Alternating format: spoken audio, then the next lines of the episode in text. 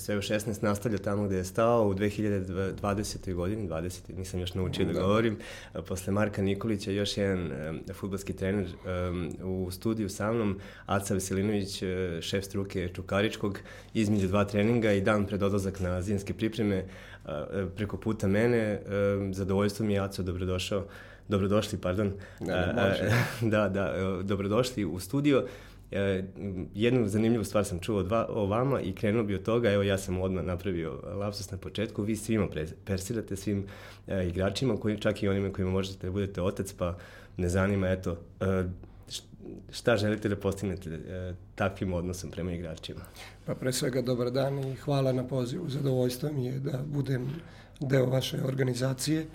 E, druga stvar, na vaše pitanje mogu da odgovorim E, tako da svaki od nas u bilo kojoj oblasti biramo neki put, biramo način komunikacije i neke stvari koje smo prolazili u životu su nas usmerile i obrazovanje i iskustva koje smo nosili kroz život da se prema ljudima odnosimo e, i privatno i poslovno na način kako mi to trebamo, kako mi to mislimo da treba i istovremeno e, lično mislim da je važno da razmišljamo da mi treba da dobijemo povratnu informaciju da se odnosimo prema ljudima onako kako bi voleli da se one odnose prema nama. U ovaj odnos e, na vi sa igračima je onako sa moje tačke bio usmeren iz dva razloga. E, prvo, e, danas u srpskom futbolu, koji je razvojni futbol i liga je mnogo mlada i igrači dolaze još kao neformirane, kao nezrele ličnosti. Nekada u bivšoj Jugoslaviji su igrači boravili do 28 godina i bukvalno i u drugoligaškoj ekipi ste imali igrače koji, ekipe koje se po četiri godine nisu menjale, pa je većina nas koji smo u futbolu i dan danas znaju potpune sastave svih tih ekipa.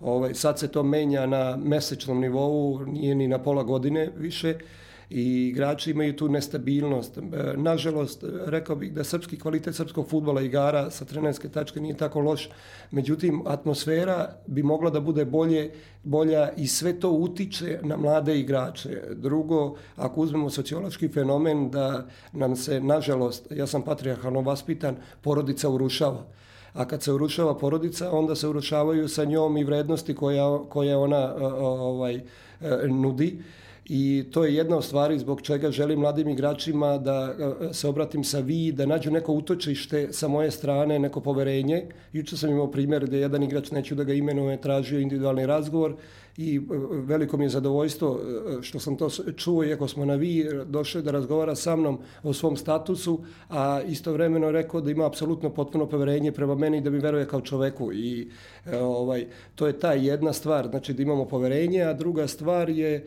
poštovanje prema njima, a druga stvar je kad donosim odluku. Mnogo je lakše doneti odluku kad sam sa osobom preko puta mene na vi. Aha. Mislim da je ona realnija, da je objektivnija, da je e, lišena u nekom momentu nekih emocija, jer kad dođete previše blizo nekome i kad ste mnogo bliže, onda je veliko pitanje da li ta emocija može da ugrozi neku objektivnost pri donošenju odluke. A kad ste u profesionalnom futbolu nemate pravo pri donošenju odluke da nosite emociju, morate da budete pre svega profesionalni i pošteni, onda ste pošteni prema organizaciji prema, u kojoj radite klubu, pošteni ste prema toj osobi prema kojoj donosite tu odluku, pošteni ste prema sebi i prema svojoj profesiji. A kako izgleda kad se naljutite na njih, a, a na vi ste?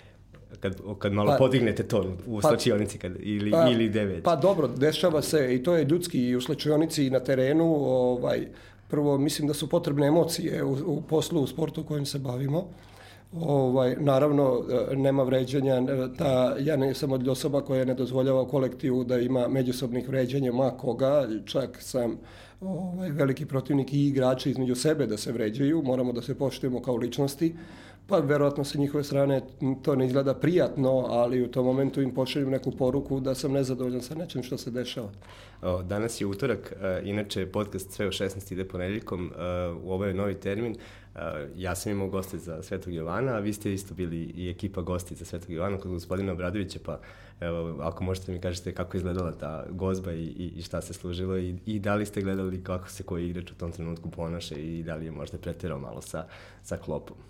Pa, pre svega hoću da kažem da mi je zadovoljstvo e, što smo juče prisustovali nečemu što je karakteristika futbolskog kluba Čukarički. To je jedna familijarnost i jedna uređenost odnosa, poštovanje i čovjek koji je vlasnik kluba ima je porodičnu slavu pozvao je kompletan futbalski klub, e, pozvao je kompletnu radnu zajednicu i sve ljude koji rade kod njega u njegovoj organizaciji Jadok, bilo je mnogo, bili su mnogobrojni gosti i zaista je bila jedna svečarska atmosfera kako je kao sveštenik juče kad je održao jedan lep govor i kad je rekao E, važnost slave u tradiciji srpskog naroda i ona ima vertikalu i horizontalu, vertikalu na putu ka gospodu, e, gde svojim molitvama e, pravimo kontakt sa gospodom i vertikalu, ovaj, horizontalu gde izražavamo ljubav prema porodici, prema bližnjima i slava nas spaja.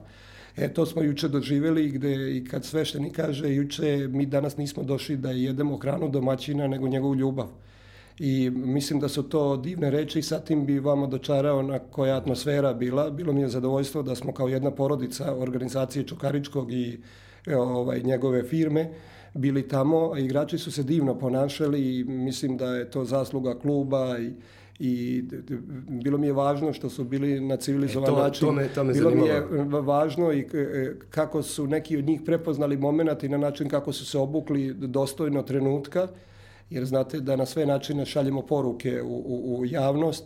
Drugo, njihov odnos oko ishrane, oni profesionalni, znali su da imaju i poslepodnevni trening i zaista sa te strane nismo imali nikakvih Bravo. problema. Bravo. Jedan skup, na jednom skupu određeno vreme sa puno pozitivne energije. Pre i posle toga izađe se na teren, nije ovih dana lako trenirati u Beogradu, zagađenje je, dosta se piše i priča o tome, kako uspevate? Eto, sutra ćete otići u neke ovaj, toplije i, i čistije krajeve, ajde tako kažem, ali morali ste da radite čak i u ovim uslovima. Pa dobro, to, ovo je, futbol je sport otvoren za razliku od drugih dvoranskih sportova. Mi radimo u raznim uslovima. Jedan vaš kolega me prošle nedelje pitao šta mislimo o zagađenju, da li je prešlo granicu. Ja kažem, zaista nisam stručnjak.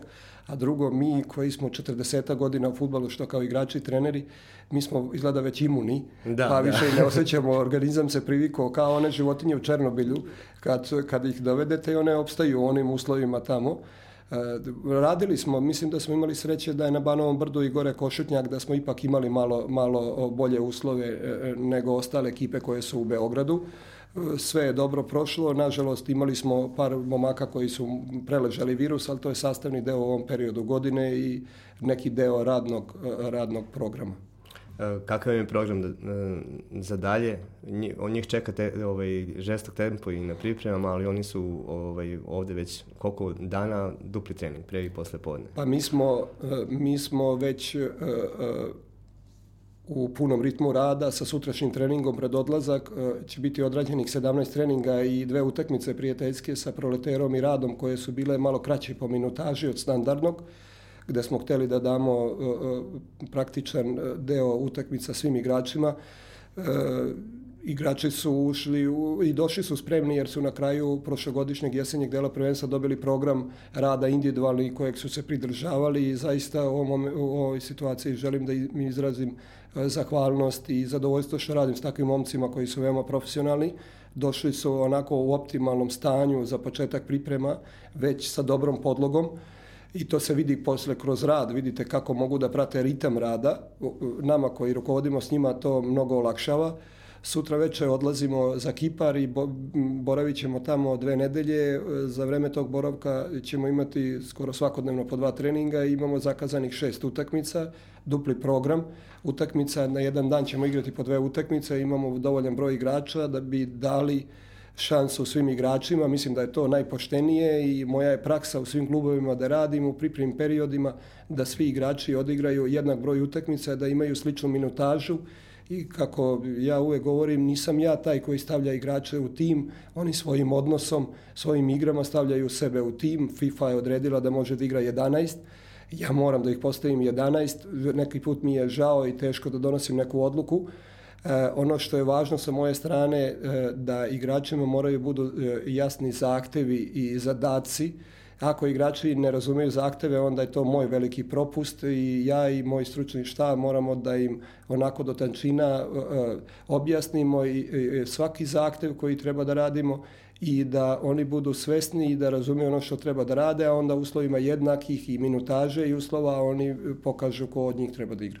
A gde je granica ta između preterivanja sa zahtevima i uprošćavanja? Pretpostavljam da igrač ne bi trebalo da dobije previše zadataka za, za, za jednu utakmicu ili, ili poluvreme i sve, da već da, da mu bude jasnije šta, šta se od njega u tom trenutku očekuje. Pa s jedne strane sam zahvalan za to pitanje, jer to je deo kao kuvar kad sprema neko e, e, kuvarsko umeće, neko jelo sa puno začina, puno primjesa, tako i u trenerskom poslu nemate jasno definisane, imate putokaz kojim treba da se ide, ali svaki trener ili šef stručnog štaba ima svoj koncept rada, svoj način i ophođenja i rada i psihologije i, i načina igre i zahteva u okviru igre. I naravno, e, mi kad smo letos počeli da radimo u Čukaričkom, moj stručni štab i ja smo se susreli sa situacijom da u roku 3-4 nedelje treba da igramo prvu zvaničnu utakmicu koja je bila evropska utakmica protiv Jermenskog Bananca, da upoznamo ekipu, imao sam zadovoljstvo da prošle godine gledam osam utakmica Čukaričkog, međutim u, u prvenstvu se vrtelo nekih 12-13 igrača. I e, apsolutno nisam poznao neke momke koji su sad nosioci igre, koji su se među vremenu nametnuli. Imali smo 5-6 dana a, redovnih lekarskih pregleda u Zavodu za sport gore u Košutnjaku, na Košutnjaku I onda je to predstavljalo problem da sve to umiksujete i da istovremeno radite, da napravite koncept, putokaz igre. Svaki novi trener ima neke svoje zahteve, svoj način razmišljanja o futbalu. E, već sada, u, u posle 6, 7, 8 meseci rada sa igračima, mnogo je lakše i njima je jasno. To je neki put, kao kad kažemo metodika, u stvari put. E, e kao što je Horst Wein, legendari Nemac, koji je jedan od tvoraca čuvene Barcelonine škole futbala, e, kad je rekao kad putujete negde e, u neko mesto, pre svega morate da izučite put kojim treba da idete. Tako da je, tak, na takav način bi vam odgovorio za zahteve, morate da dozirate, da procenite koliki je nivo spremnosti igrača da mogu prihvatiti te zahteve ako dolaze do e, nesrazmere zahteva da. i mogućnosti igrača. To je kao u realnom životu, kad su očekivanja velike, a mogućnosti male, onda umeđu tom prostoru dolazi do e, nes, nesrazmere i do velikog razočarenja. Isto tako i u trenerskom poslu. E, vidim da, da dosta radite na, na, na atmosferi unutar ekipe i oko nje, um, da li ćete igrači častiti uh, odlaskom u pozorište ako budu bili dobri na pripremama u, na Kipru? Pa dobro, je, odlazak u pozorište je uvijek lep doživlja i svečanost, bar za mene i imali smo već to iskustvo pred poslednju utakmicu sa Crvenom zvezdom u decembru i drago mi je da su igrači veoma pozitivno odgovorili na to. Rekao sam u jednom momentu pozorište je zaista neki javni događaj gde je apsolutna koncentracija pozitivne energije, pozitivne energije i, i gledaoca i aktera uh, uh, koji igraju. Što nije na, na futbolskom terenu uvek. Tako je, na svim sportskim priredbama i tako i u futbalu uvek se dese neke osobe koje dođu, koje su frustrirane, koje imaju neki problem i onda im neko, i ja kao trener ili neko od igrača, bude na meti i ovde imate potpunu koncentraciju, rekao sam, pozitivne energije. Naravno da ćemo mi odlaziti u pozorište i dalje i možda se desi da opet pred utakmicu sa Crvenom zvezdom dodamo jer se pokazalo kao dobra praksa. Dobro, ja ću sad biti slobodan da vas pitam da mojim e, i našim gledalcima preporučite dve predstave, dve, tri, koje bi mogli da pogledaju. Pa dobro, evo, u zavisnosti od afiniteta šta gledalci e, e, vole, vole da gledaju, toplo preporučujemo Zvezdara teatru Kumove, Dobro. predstavu, a istovremeno mogu Jugoslavenskom dramskom da preporučim mesec dana na selu od Turgenjeva, koja je jedna ozbiljna priča, onako životna priča i u zavisnosti od afiniteta ovaj, preporučujem ljudima da odu i svakako će uživati na jednoj i na drugoj predstavi. A šta ćete od knjiga spakovati igračima za, za pripreme? Pretpostavljam da će neko od njih dobiti od vas ovako. Pa, uf, to sam pa, čuo da volite da uradite i to je jako lepo, zaista ovaj, čestitam vam na tome. Pa dobro, ovaj, generacijski smo mi mnogo različiti, pogledi, iskustva životna i e, mnogo je možda mene lakše da se spustim na njihov nivo jer sam nekad ja bio 20-godišnjak, oni još uvek nisu 50-godišnjaci kao ja. Pa nešto što ja čitam, verovatno njima nije toliko interesantno. Probamo da ih usmerimo. Ja imam neku praksu u poznavanju i na početku priprema igrači dobiju e, jedan papir sa nekim neću da kažem parolama, nekim mislima e, etičko-moralnim i psihološkim, nešto tipa važan si za tim, ali nisi nezamenljiv ili ako hoćeš da budeš optimista, druži se sa optimistima i tako dalje i tako dalje. Imaju tamo neke e, fraze koje usmeravaju Ovaj, što se tiče knjiga, ja imam neki svoj dijapazon, ali to vam ide, ide kroz godine. Prolazite neki period kad ste bili mladi, pa onda vam je bio interesantan Momo Kapor. Pa onda dođete u period kad su se dešavala zbivanja sva 90. godina, pa negde aktualan Dobrica Ćosić od korena, vreme vlasti, vreme smrti i tako dalje. Ceo jedan tom, pa onda vam se uvek vrati Ivo Andrić koji je vanvremenski, ali e, e, nekako dva domaća pisa koja ja preferiram, to je Crnjanski, pre svega i romanu u Londonu, ali pre svega se obe i kad čovjek pročita se obe i prvi i drugi deo, onda shvati tragediju srpske stvarnosti na mestu gde mi e, obitavamo na Balkanu i da smo uvek negde u, u nekom u međuprostoru između istoka i zapada, istoka ka kojem smo onako emocionalno više e, usmereni, pitanje opravdano ili neopravdano i zapada koji nas je uvijek gledao, kako to u Seobama kaže, kao neke konjušare, bez obzira što smo ih branili tamo. I drugi pisac koji je za mene fascinanta, to je Meša Selimović, koji kad čitate Crnjanskog, onda njegovo, sad da ne budem ja stručnjak neki za ocenu moje supruga koja je profesor književnosti, to bi bolje e, ovaj, uradila od mene, ali negdje laički iz emocije, kad čitate Crnjanskog, onda kompletno njegovo delo vam je fascinantno kad ga pročitate. A kad čitate Meša Selimovića, onda bukvalno svaka rečenica koju on napiše, ona vas natera da zastanete, da razmislite šta je hteo da kaže i da on šalje poruku i te poruke su i sada aktuelne i bit će vam vremenske aktuelne i to tako da to su dva domaća pisa koje ja onako preferiram i koje sa zadovoljstvom čitam. Nisam siguran da su oni interesantni našim mladim igračima. Možda će i mladim e, gledalcima i igračima biti zanimljivo da im ispričate vaše seobe. E, imali ste ih i živeli. E, u jednom trenutku ste bili futbaler Hajduka iz Splita, pa me zanima taj deo, pripremajući se malo za ovaj podcast, pričao sam i sa kolegama koji su uh, radili intervjue s vama i pratili vaš rad u Vojvodini i Milutin mi je konkretno dosta pomogao, ali tu, tu nisam uspio da se snađem ovaj, za taj deo, pa me zanima eto, da se, ako možemo da se vratimo u, u ovaj, vaše detinstvo kada ste vi bili mladi, kako je to izgledalo i ovaj, kako ste uopšte počeli da igrate futbol. Pa lepo vam je ta reč se obe, mislim da sam zaista kad uzmem koliko sam gradova živeo i mesta, da to može da se kaže kao ona pesma Cigani Čergari od, od Zdravka Čolića. Pa evo, ja sam, rođen sam tamo u, u Hrvatskoj, ispod podnožje planine Velebit, kod manastira Krupe, u, u gradiću Obrovac. To je severni deo Dalmacije gde pretežno bilo srpsko stanovništvo.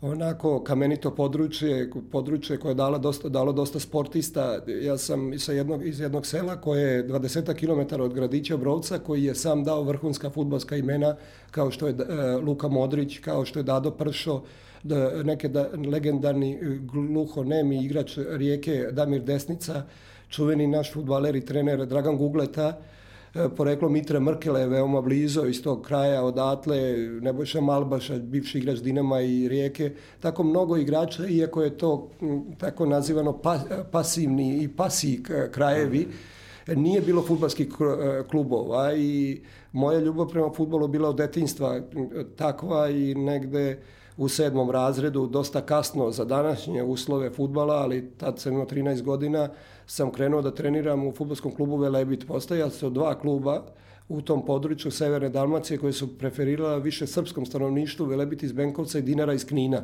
Mi koji smo bili iz Obrovca više smo preferirali Benkovac.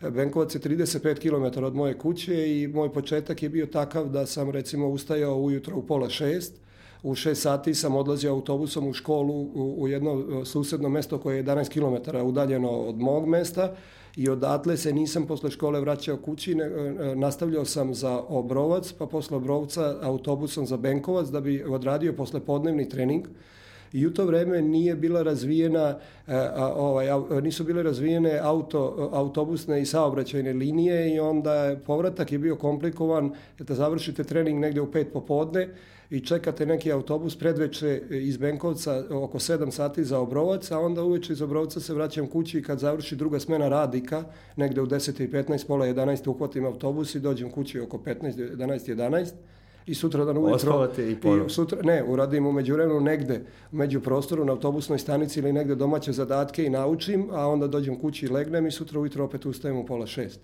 I onda ste dali gol Hajduku? Pa, e, e, hteo bih samo da dodam i sad kad uzmete sa ove tačke gledišta ove današnje generacije, kad kažete kakva je to upornost bila i ljubav i koliko je ljubav futbala bila u venama, da se nije osjećalo opterećenje i zamislite neko dete koje je sad bi u tim uslovima otišao da trenira, a ima druge pogodnosti životne i onda u ovom, ovom vratit ću se na vaše pitanje, u odnosu mom prema igračima trebamo da razumemo vreme i mesto kako oni žive. I onda se desilo da smo u takmičenju te Dalmatinske lige igrali protiv Hajduka u Splitu ja sam postigao gol i eto to mi je otvorilo vrata da dođem u Hajduk iz Splita, ali postoji jedna vrlo interesantna stvar. Godinu dana pre mene, član te generacije na mojoj poziciji igrao Toni Kukoč. I igrao je levo krilo, bio je levonog, znate i u košarci da bio levoruk i na, u toj generaciji Hajduka koja je bila sjajna, je ostalo baš upražnjeno to mesto leo krila koje sam ja igrao i dao sam gol i iz, e, u selekciji ljudi iz Hajduka iz Splita čuvenog Slavka Luštice, legendarnog trenera Pere Nadoveze i Dragana Sliškovića, koje ljudi koji su rukovodili tad sa omladinskom školom, sam ja bio njihov izbor i upao u jednu sjajnu generaciju, ako mi dozvolite, zaista bi iskoristio momena da kažem, posle one čuvene Ivićeve generacije, Šurijak, Žungul, Mužinić, Buljan i ostali, koji su harali 70. godina, to je generacija Hajduka u kojoj su do raspada Jugoslavije njih osmorica debitovali za prvi tim Hajduka. Između ostalog tu je bio Alen Bokšić koji je napravio svetsku slavu, Joško Jeličić koji je igrao i u Dinamu i u Sevilji i bio reprezentativac Hrvačke, Goran Vučević je bio član Barcelone i neka druga imena sa kojimi dan danas imam kontakt, malo stariji su bili, iako smo igrali sa njima, Robert Jarni, Slaven Bilić, Igor Štimac, kao što vidite sve su to velika posla evropska i svetska imena futbola. A, zanima me ovako sa distance, da li ovaj Hajduk ima ikakve veze sa onim Hajdukom? Pa moje emocije prema Hajduku se, one su i dan danas i ako hoćete iskreno se vratim na, inače sam nostalgičar nekih prošlih vremena futbalskih i volim da, jer sam bio veliki ljubitelj i u jednom momentu sam bio hroničar tih aktivnosti, volim da odem da pogledam neke događaje koje su se dešavale recimo u ligi 80. godina, 70. i ta neka imena velika gde sam ja kao dečak se divio, li, onako lepio njihove sličice po ormanima, po, po sveskama i tako dalje. Ovaj, mislim da se priča s Hajdukom završava negde raspadom Jugoslavije, ovaj Hajduk i sa prijateljima kojima se čujemo dozdo i oni se slažu sa tim, to Hajduk je ostao kao ime, međutim onaj Hajduk je bio nešto drugo, onaj Hajduk je imao otvorenost, ovaj Hajduk ima zatvorenost u sebe, ima neke principe ko, s kojima se ja lično kao čovjek ne slažem i mislim da je tačan odgovor od 91. to nije Hajduk u mojim mislima. A dobro, da li ste, e, da li ste kao igrač Hajduka mogli da, e, kako je, kako je dolazio taj period kada, kada je već moralo da se ode, jeste da se to osjećalo, jeste, um, kada vam je postalo jasno da, da je trenutak da se, da, da se, da se preselite u Srbiju? Pa ne, moj, pa moj odlazak u Srbiju nije bio vezan, apsolutno moram budem pošten, sa dešavanjama koje su usledila posle toga. Uh, E, zaista bi bio bezobrazan. E, postoji dve i po godine predivnog života u Splitu i ostala su neka prijateljstva. Moj odlazak za Beograd je vezan za nešto drugo. Ja sam od rođenja zvezdaš. Moj otac je bio hajdukovac i posle toga je postao partizanovac, ja sam zvezdaš. Kako se to desilo? Samo, samo pa, pa, znate kako ste vi postali zvezdaš, a Ja sam postao zvezdaš, negde u tom momentu uh, inicijalna kapisla da postanem zvezdaš je bila pogibija legendarnog golmana Crvene zvezde Boška Kajganića, koji je negde 76. 7. godine, čini mi se u Turskoj poginuo i to je neka informacija koja je išla Crvena zvezda i to je negde uticalo na mene. A onda se ubrzo, posle par godina, desila ona za mene najdraža generacija koja je igrala u finalu Kupa UEFA 79. godine i Pižon i Dule i Šele i Repčić i onako i to je bio bukvalno kraj kad ste onako nešto primili u vene i tu nije bilo nikakvi, nikakvih dilema posle toga. U momentu kad sam ja odlazio u Hajduk, bila je ponuda da idem u Crvenu zvezdu. Otac, kao i svaki otac, je procenio da 13,5 godina dete, da nije baš onako uh, pametno da se ide u veliki grad tako daleko bez uh, pažnje roditelja i otišao sam u Hajduk, međutim moje koketiranje sa Crvenom zvezdom, tako da kažem, je bilo konstantno. U to vreme trener generacije Crvene zvezde u kojoj sam ja igrao je bio čuveni legendarni Vojka Melić, i mi smo i za vreme boravka u Hajduku tri puta igrali protiv te generacije Crvene zvezde gde smo čuveni turnir Stevane Šticki u Novom Sadu ih pobedili i osvojili prvo mesto. A ta generacija Crvene zvezde je takođe jedna fantastična koja je bio Vlada Jugović, Vlada Lukić, e, golman Zvonko Radovanović koji je sada izvaredan advokat, bio je do, donedavni trener Crvene zvezde Vlada Milojević, bio je Dejan Antonić, Čileanac, bio je Peđa Katić, i sve te momke sam ja znao još za vreme boravka mogu u Splitu, sa nekim sam postao drugar. Imao komunikaciju i dan danas sam sa, sa njima prijatelj, mogu da kažem. I onda negde u stalnom tom koketiranju, negde 86. godine smo zajedno doneli odluku da je dobro da pređemo u Crvenu zvezdu. I, i kako to obično biva, ovaj, ne dešava se sve idealno. U tom momentu, kad sam ja prelazio Crvenu zvezdu, trener Crvene zvezde je postao Velibar Vasović i uzeo za pomoćnika Vojkana Melića, tako da je e, Kule Čimović, legendarni postao trener te generacije u kojoj sam ja došao i nije me znao i tražio je da me vidi nekoliko dana i sećam se da sam bio onako nekoliko dana, dobio je sve reference o meni i nije se bavio trenerskim poslom ranije ozbiljno i ostao sam nekoliko dana, igrali smo probnu utakmicu protiv Rada, pobedili smo 1-0, ja sam postigao gol. I onda sam ja ostao i bio dve godine član te generacije. Nažalost, u tom periodu sam imao veliki peh, dva puta sam operisao prepone i poslednjih godini po dana omladinskog staža sam izgubio e, zbog povrede i to je veoma uticalo na moj futbalski igrački posle razvoj, ali eto, to je taj put e, prelaska iz Hajduka u Crvenu zvezdu. A kako, e, dobro, sećate kad ste se o, o, u jednom trenutku probudili u Beogradu? Koliko ste imali godina? Sad je pokušao 16, da rekonstruju. 16, 16 to, je da, bio, da. to je bio 11. august 1986. godine. A, Evo vidite i po da. tom datumu koliko je to važan moment za pa mene. Pa pretpostavljam da se sećate i kako ste se osjećali. Mislim, pa mislim, osjećao sam se, e, prva utakmica koju sam gledao, e, koja se sećam, bila je ona evropska, kad je Zvezda pobedila Panathinaikos 3-0, kad je Musemić dao onaj lep gol glavom Ovaj, mi smo ta generacija kupili lopte na onoj utakmici protiv Real Madrida kad je bilo 4-2 po... Žare ovaj, Đurović. Kad je... Da, Žare Đurović, Boško Đurovski, Bora Cvetković ovaj, kad je bilo 100.000 ljudi. Eto, to su ta vremena bila i možete i sami da zamislite kako je to bilo e, zlatno doba, ali istovremeno hoću da kažem kako je ona generacija Hajduka bila fantastična i ova je Vlada Jugović, e, posle je Zvonko Milović došao kao golman, e, e, Vladan Lukić je bio i predsjednik Crvene zvezde i prvak Evrope, Jugović je dosegao orbitu futbalsku, mnoga imena su postala velika i imao sam čast da budem deo te generacije i ta generacija jedne godine bila prvak Jugoslavije omladinski, a jedne godine osvojila kup Jugoslavije pobedom nad Veležom iz Mostara. Tako da sam imao sreću četiri i po godine da budem deo dve najbolje generacije u jugoslovenskom futbolu i zaista sam ponosan na taj deo.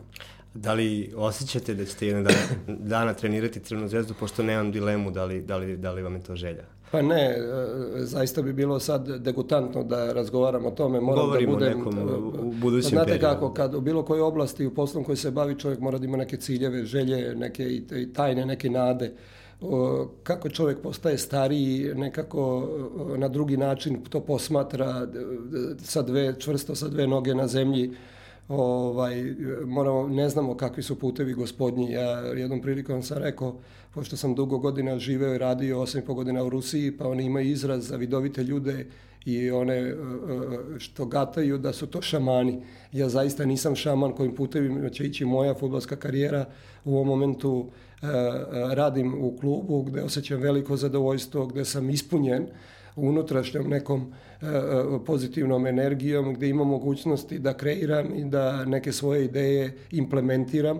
Ovaj, šta će biti za ovih 19 godina kad sam krenuo trenersku karijeru, da mi je neko rekao da će to ovim putem, izvinjam se da ide, ne bi mogao da pretpostavim, postoje neke, neki putevi ovaj, u, u, u, pored puta, kao što je Ivo Andrić govorio, koje prepoznajete, ali postoje neke koji vas vode, a vi niste ni svesni da idete tim putevima. Uh, jedan od kurioziteta za, uh, vezan za vašu trenersku karijeru je da ste dva puta bili trener Vojvodine, ali jednom ste bili prilično kratko. To je bilo neki 17 dana, tri utakmice. Um, neću sad da vas pitam šta su bili konkretno razlozi zbog kojih ste otišli. E, više me zanima e, šta su, um, št, e, koji su postulati i koje su norme ispod kojih ne silazite i zbog, i, kojih ste spremni da negde odete ili kažete ok, 17 dana je bilo dovoljno, ja ću se povući, nek proba neko drugi. Šta su stvari koje, koje ne dolaze u obzir za diskusiju kada ste vi u pitanju?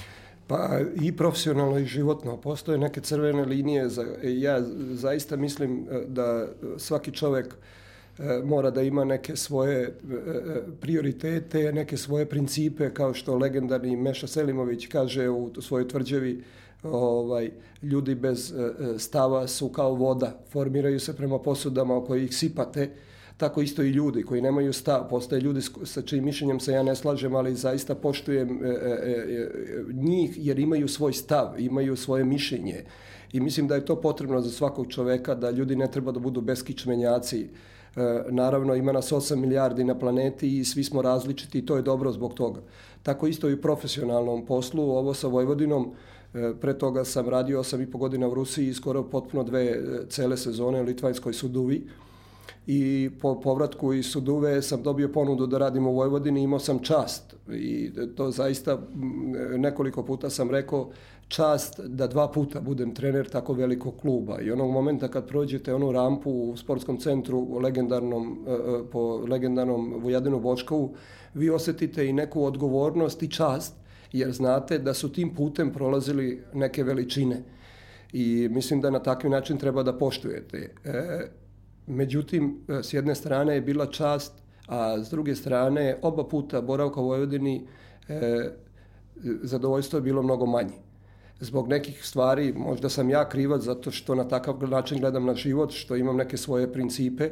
U tom momentu e, odlaska samo posle 17 dana kao nefirmisan igrač u srpskom futbalu, ne, firmisan trener, pardon, u srpskom futbalu, E, nije mi to značilo. Verujte da sam bio i trener Real Madrida da bi tu odluku doneo. Apsolutno, jer to ne bi bio ja. Ako nisam ja, ne mogu da živim, ne mogu da spavam unutra, nemam, imam nemire, ja neću da živim, da imam nemire. Na kraju krajeva, uh, ja ne moram da budem futbalski trener, ja ću da živim. I pre i posle Vojvodine ili Real Madrida ili Čukaričkog ili nekog drugog kluba, vi treba da živite i ne, ne rađate se i ne umirete da bi bili to i morate budete svesni. I ovom našoj profesiji, ja i danas, danas sam svesan da i danas i sutra mogu da uzmem torbu i da idem dalje. I da neko drugi proceni da to nije to. I to nije nikakav problem. Međutim, u tom momentu sam osetio da ja ne mogu da implementiram svoje ideje, da e, i ljudske i trenerske, i neke stvari koje su mi uslovljene, ja nisam mogao da pređem preko njih i pred utakmicu s Partizanom sam saopštio igračima da mi je bilo zadovoljstvo da radim sa njima i zadovoljstvo budem deo tog kluba i u tom momentu predsjedniku kluba sam rekao uh, jednu rastanku, mislim, vrlo pomiljivu rečenicu, znamo se dugo, ali očigledno da se mučimo u saradnji, pošto se mučimo, logično da ja odem i ovaj, spokupio sam se i otišao da vam nisu zamerili i videlo da se vrlo brzo vratili ste se ovaj, u Vojvodinu posle godinu dana. Posle godinu dana. Godinu dana. Um, šta se promenilo? Da li ste se vi promenili? Jeste bili mudriji? Ili ste promenili uslovi u kojima ste radili u Vojvodini? Um, ostali ste duže, tako? Ostao sam duže pet i po meseci, ali ako mi dozvolite, uh, kad govorimo o ovim principima, ovaj, ne znam koliko to interesantno vašim gledalcima i slušalcima. Jeste, apsolutno. Uh, postoje neki momenti u životu kad e, donosite odluku, ako dozvolite, vratit ću se na 99. godinu, kad sam za vreme bombardovanja, ja sam vaspitavan i tako vaspitavam svoju decu da veoma vole prostor u kojem žive svoju zemlju i svoj narod i pošto sam 13 i po godina živeo u inostranstvu, pet zemalja, mislim da sam e, ružno da kaže vel, Srbin ili ne, ali mislim da sam patriota, ali patriota na takav način da budem dobar suprug, da budem dobar otac, da budem dobar komšija, da budem dobar prijatelj, da budem vredan. Kad smo bili mali, mojim krajevima su za ljude govorili da su tri osnovne osobine da budu pošteni, da budu vredni, da ne lažu bez obzira kakvog su nivoa, vaspi, nivoa obrazovanja, ali te tri osobine, znači vredan, da je pošten i da ne laže. I mislim da su to tri postulata kojih se ja i dan danas držim. I u tom momentu sam bio igrač Spartaka iz Varne, prvi stranac koji je igrao jedan lep grad, Varna i Spartak.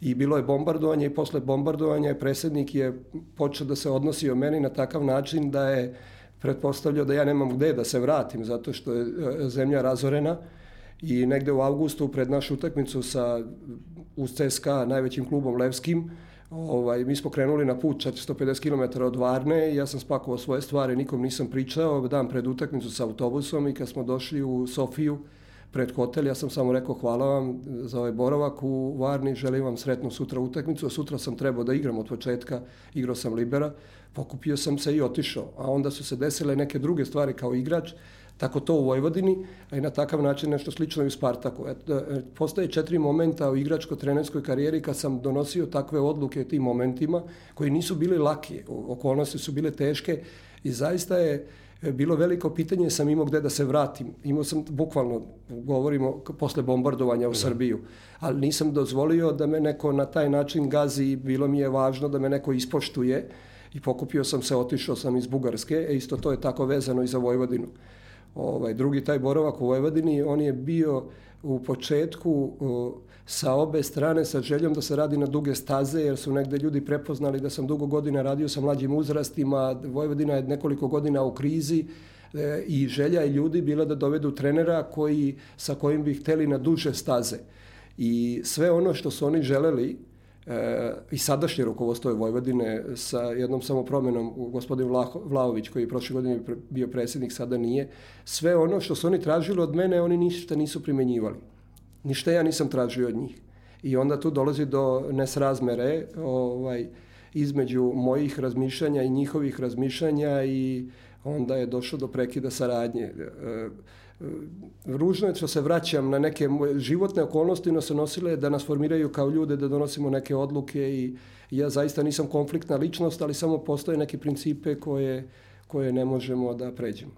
Da niste konfliktna ličnost e, svedoči jedan događaj o kom ja ne mogu da se setim tačno na kojoj utakmici vi bolje znate i ispravit ćete me. E, imali ste zamerku sudiji, ali ste se posle utakmice prišli, izvinili ste i e, delegat je to video, dobili ste poziv da budete e, učesnik e, seminara i da govorite o odnosu prema sudijama. Ako, ako sam nešto, e, ako sam nešto e, prevideo, ispravite me, ali, ali mi se čini da je to bio slučaj, pa me zanima, eto, ako možete da kažete nešto više o tome. E, tačna informacija je da, ne, ja nemam nikakav problem, ne samo sudiji i vama i bilo kome da se izvinem i mislim da je to potrebno, pošto sam ja vernik i idem u crku jednom nedeljno, E, mislim da je obaveza svih nas da se izvinemo i da oprostimo i e, sudije su ljudi i ja imam veoma dobru saradnju i sa sudijama ovde u Srbiji, imao sam i u Litvani i Rusiji i tako dalje, pre svega probam da poštujem njihovu profesiju, njihovu ulogu u futbolskoj igri, svaki od nas e, koji ima neku ulogu u futbolskoj igri i razmišlja i predstavlja sebe na način kako treba da propagira tu futbolsku igru. Moja uloga da budem na neki način misionar u futbolu, i da pomognem i da, kako Rusi kažu, da volim futbal u sebi, a ne sebe u futbalu da nosim futbal u sebi. Svaki drugi trener, igrač i sudija, on odlučuje na kakav način sebe stavlja ulogu u futbalsku i to javnost ranije ili kasnije prepozna. E, ta, e, e, u stvari, bila je priča da smo mi pred jednu utakmicu imali informacije da ćemo imati dosta složeno suđenje. I moja uloga kao futbolskog trenera je bila da pripremim moje igrače za sve izazove. I dan pre utakmice sam, ja inače to ne radim, uzao da sviram na treningu, da budem sudija i svirao sam tako da u jednom momentu sam hodao na ilici žileta da očekujem kad će neki igrač da me pošalje u, u materinu i da me časti onako lepim srpskim epitetima kakve mi u našem jeziku imamo Jednom, to je simulacija klasična, da, nečega da, što bi da, moglo da se da, dogodi. Da, predupredim, da. naravno, moja uloga da predviđam. E, kao što je ovaj Borislav Pekić u Besnilu napisao, kaže, e, kvalitetan čovek ima ulogu da e, kvalitetnim predviđanjima eliminiše neočekivanosti. Da. Vi sami ne znate da kad će neočekivanost naići, ali vi predviđate i eliminišete unapred tu neočekivanost. E, to I je jedna gubi se faktor iznenađenja. Gubi se faktor, da, pred, predviđate da. i to je jedna od uloga trenera koja se ne vidi, e, gde javnost ne vidi, ali vi pripremate za nešto. U jednom momentu sam rekao momcima, bili su besni, neki od tih igrača su sad i u vodećim klubovima i u inostranstvu, jedan od njih je šutnuo stativu, besa, rekao sedite ovde. Šta jeste razmaženi, mi smo pričali i onda sam im rekao da budu svesni da nas sutra očekuju onako prilično neravnopravni uslovi, da moramo budemo spremni na sve, ali da mi moramo se bavimo sobom i onim što je za nas važno. I zaista nešto što smo se predviđali je se dešavalo na, na toj utakmici, da ne, ne spominjem aktere, nije lepo. E, međutim, mi smo krenuli kontra ritmom i na početku utakmice od negativnog rezultata 0-1 smo preokrenuli na polovremenu 2-1 uz znake nadmorske, nadljudske one napore, kao kad gledate one partizanske filmove, pa eto, tako je to izgledalo. I u momentu kad je bilo polovreme, razmišljam šta je to da kažem igračima na polovremenu, uvek je najvažnija ona prva rečenica i poslednja, i čujem njih u, kad dolazim kroz prozor kako komentarišu taj faktor suđenja. I ja ulazim unutra i kažem im da imamo najvažniji zadatak da razmišljamo kako što pre da damo treći gol. I sve vreme, polovremena, nisam se dotakao atmosfere suđenja. Usmerio sam svojim postupkom koncentraciju na nešto što mi treba da radimo. Mi smo tu utakmicu dobili 4-2 na kraju, dali smo brzo i treći i četvrti gol protiv veoma e, na svim frontovima u ovim uslovima srpskog futbola jakog kluba za koga neću sad iz, iz poznatih razloga da imenujem. Mi smo dobili tu utakmicu i prišao sam sudiji posle utakmice i rekao želim vam sve najbolje, ali znate i vi sami da to možete mnogo bolje. Kakva je reakcija bila? Pa njegova reakcija, ja nisam u tom momentu, ja sam bio pod e, adrenalinom, bio sam pod velikim stresom jer sam morao da vodim utakmicu i da kontrolišem sebe. Rekao sam da mu želim sve najbolje, ali da i on sam zna da, da može mnogo bolje. A onda sam dobio informaciju da je on u ponedeljak otišao u sudijsku organizaciju i da je to ispričao i da je zaista rekao da se neprijatno osjećao.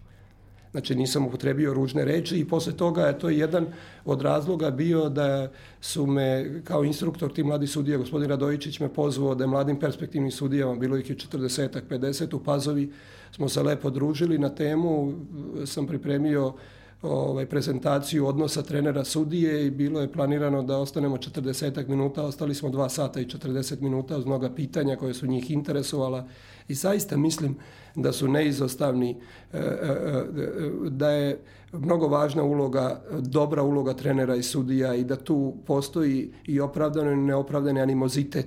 Međutim, u zajedničkom interesu i sudija i trenera da imaju dobru saradnju i pomažu jedni drugima i ovaj, ja sa moje strane se zaista trudim da im pošaljem poruku, da pre svega da ih u startu poštujem i za vreme utakmice da probam da im pomognem da bi njihove odluke bile što lakše, jer moramo da razumemo da nekad i njima nije lako kad gledamo ovaj var i kad gledamo one sitnice, oni u sekundi moraju da donesu e, neku važnu odluku pod adrenalinom, pod velikim pulsom, ovaj, i naravno i vi i ja bi pogrešili neki put i teško je i moramo da razumemo neku grešku, samo je važno da nema namere, zle namere. Kakva suđenja imamo u Superligi? Pa ja mislim da su naše sudije veoma kvalitetne. Ako im omogućimo uslove i mogućnost da sebe prezentuju i futbalsko, e, e, futbalsku ulogu sudija na onaj način kakva treba da bude. Mislim da naše sudije izvaredno razumeju samo futbalsku igru, što je veoma važno. E, imao sam iskustvo u Litvani i mislim da litvanske sudije, drugi su uslovi, ne razumeju samo futbalsku igru na način kako je mi sa Balkana razumemo. I pretpostavljam da većina tih sudija je bila na neki način igrač ili je učestvovala, učestvovalo i da osjeća tu samu igru i to je veoma važno. I e, e, e, zaista je to moja e, ocena da imamo odlične sudije, samo je pitanje da li im dajemo ambijent i mogućnosti da iskažu svoj potencijal. Što im više damo te uslove, mogućnosti, imat ćemo više e, i njima ćemo pomoći, svima nama će biti bolje. Vratit ćemo se polako na Čukarički. Da li vi kao trener u Čukaričkom imate sve uslove da iskažete svoj trenerski potencijal? Pa, zaista u, u ovim uslovima srpskog futbola moram da budem zahvalan i mislim da je čast u ovom momentu biti trener Čukaričkog i sve kolege koje su bile pre mene i koje će doći posle mene treba da se nose mišlju, da dolaze u jedan izvaredan klub, da dobijaju šansu, da se osjećaju lepo i kao ljudi i kao treneri. I da mogu da rade, da kreiraju i da sa uživanjem dođu da bukvalno e, e, čekaju, da se raduju što idu da se bave sa nečim što je lepo, nešto što vole. I kad ste trener Čukaličkog, dođete u situaciju da ne razmišljate o tom finansijskom delu, jer znate da on regulisan i ne samo zbog toga. E, dođete u situaciju da nešto radite iz ljubavi. Sa zadovoljstvom da sebe ispunjavate, jer mislim da svaki čovjek treba da se kreira tako, da se ispunjava, da mu ne prođe život tek tako.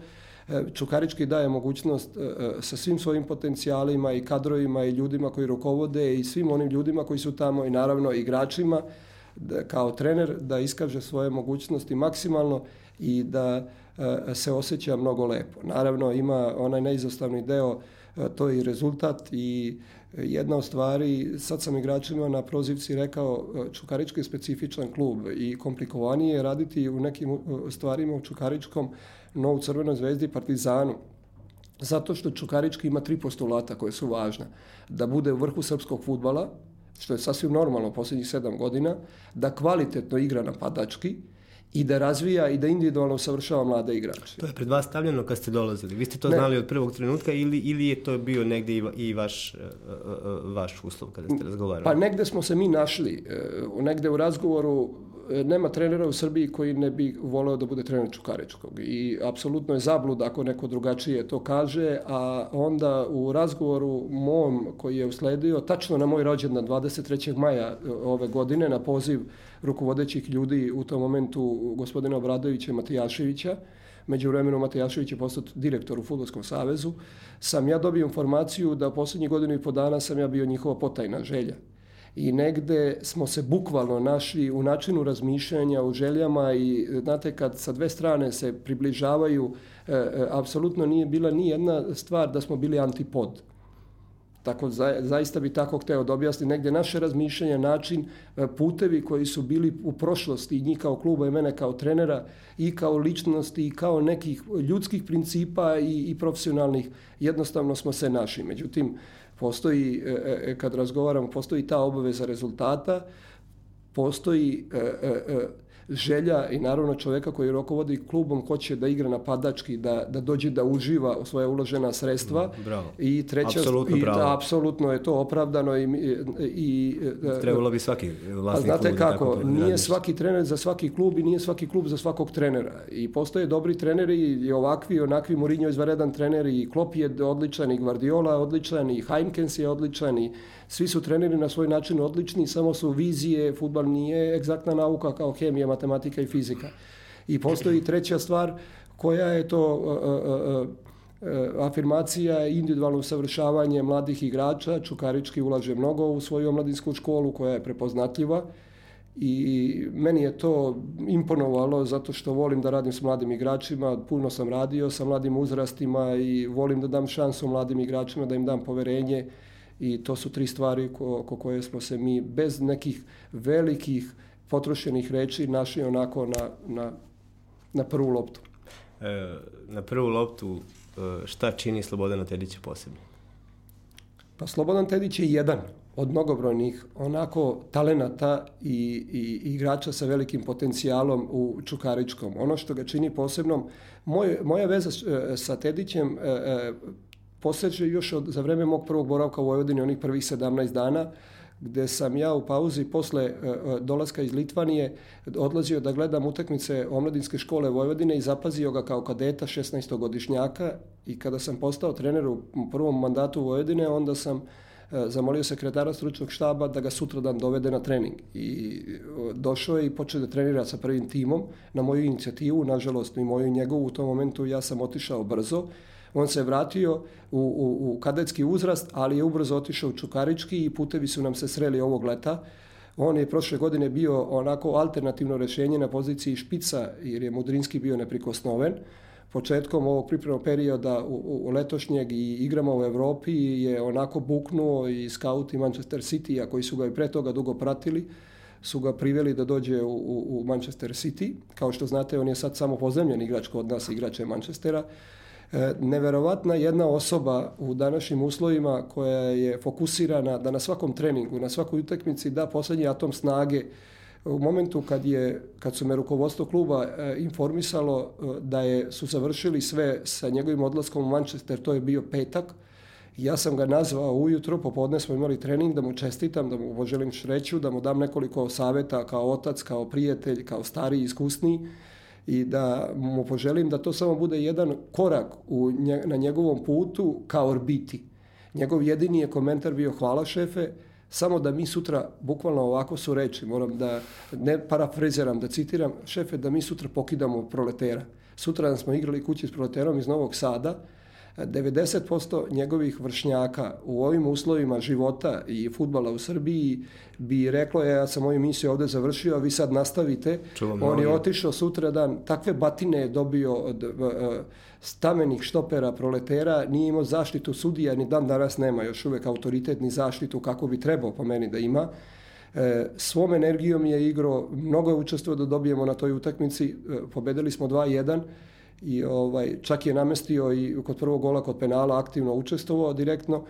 E, to, je, to je podatak zašto je on e, to jedna čista glava, jedna usmerenost, jedna e, e, veliki radnik, veoma korektan u odnosu prema svojim saigračima, onako uvek nasmejan i mislim da će napraviti jednu lepu karijeru u inostranstvu. Uh, zadovoljstvo mi je da ču, to čujem. Pretpostavio sam da će dobiti neki poseban odgovor. Hvala vam puno što ste, što ste govorili za sve u 16. što bili moj gost. Volio bi da se to ponovi u nekoj bliskoj ili daljoj budućnosti i želim vam puno sreće na pripremama, da nemate povrede, da dođete uh, zadovoljni onim što ste uradili i da nam preporučite uskoro neku novu predstavu. Hvala vama, vi ste mene učinili zadovoljstvo, želim vam svako dobro i nadam se da se družimo i u budućnosti. Uh, ovo je bilo uh, druga, drugi termin zbog slave. Sledećeg ponedjeljka, ponedjeljka gledamo se ponovo sve u 16. Taca Veselinović ja jedno čekamo da čujemo vaše komentare. Prijavite se za Mondo newsletter, to nam isto dosta znači. Uh, prijetno.